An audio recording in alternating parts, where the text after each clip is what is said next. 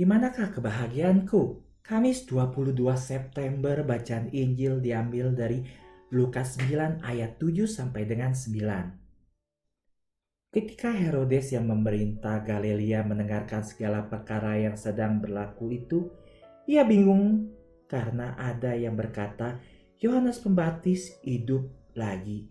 Yang lain berkata bahwa Elia sudah kembali.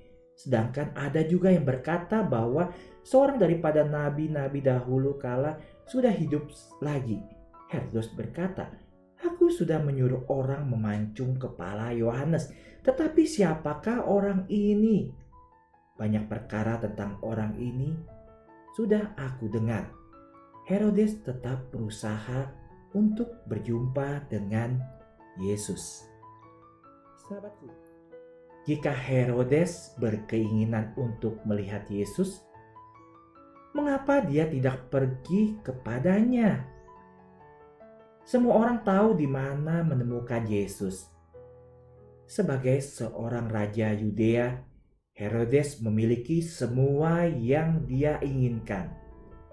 Apakah yang diinginkan oleh seorang raja yang berkuasa dan kaya dari seorang rabi miskin yang tidak memiliki apa-apa kecuali beberapa murid? Faktanya, sang raja memiliki rumah penuh dengan barang-barang tetapi hatinya tetap kosong.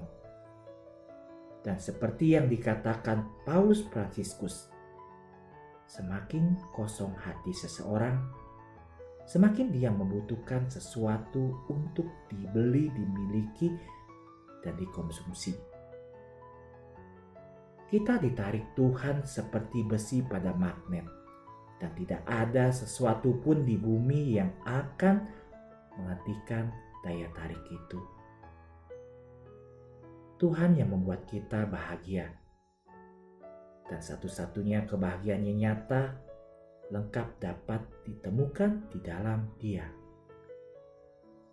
Kata Santa Agustin, Tuhan, Engkau menciptakan kami untuk dirimu, dan hati kami gelisah sampai kami bisa beristirahat di dalammu.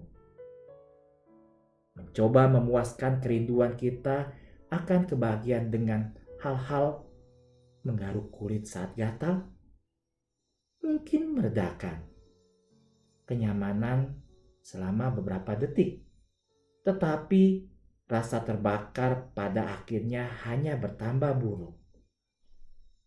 Tuhan ingin mengasihi hatimu dengan cintanya, tetapi jika hati penuh dengan sampah, tidak ada ruang di dalam untuk cinta Tuhan.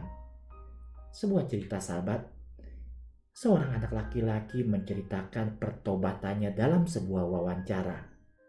Saat dia masih muda, orang tua dan kakek neneknya telah memberikan semua yang dia inginkan seperti tablet, smartphone, video game, dan banyak lagi.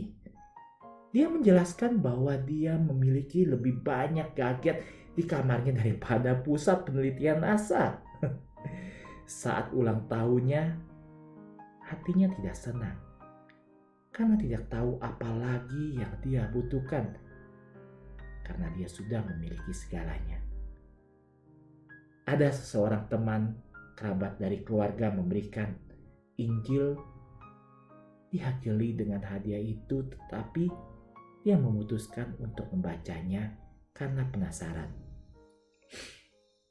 Di sini ia menemukan Yesus Kristus. Dan begitu terpesona oleh kehidupan dan kematiannya, sehingga ia mengubah hidupnya dan sekarang belajar untuk menjadi seorang imam.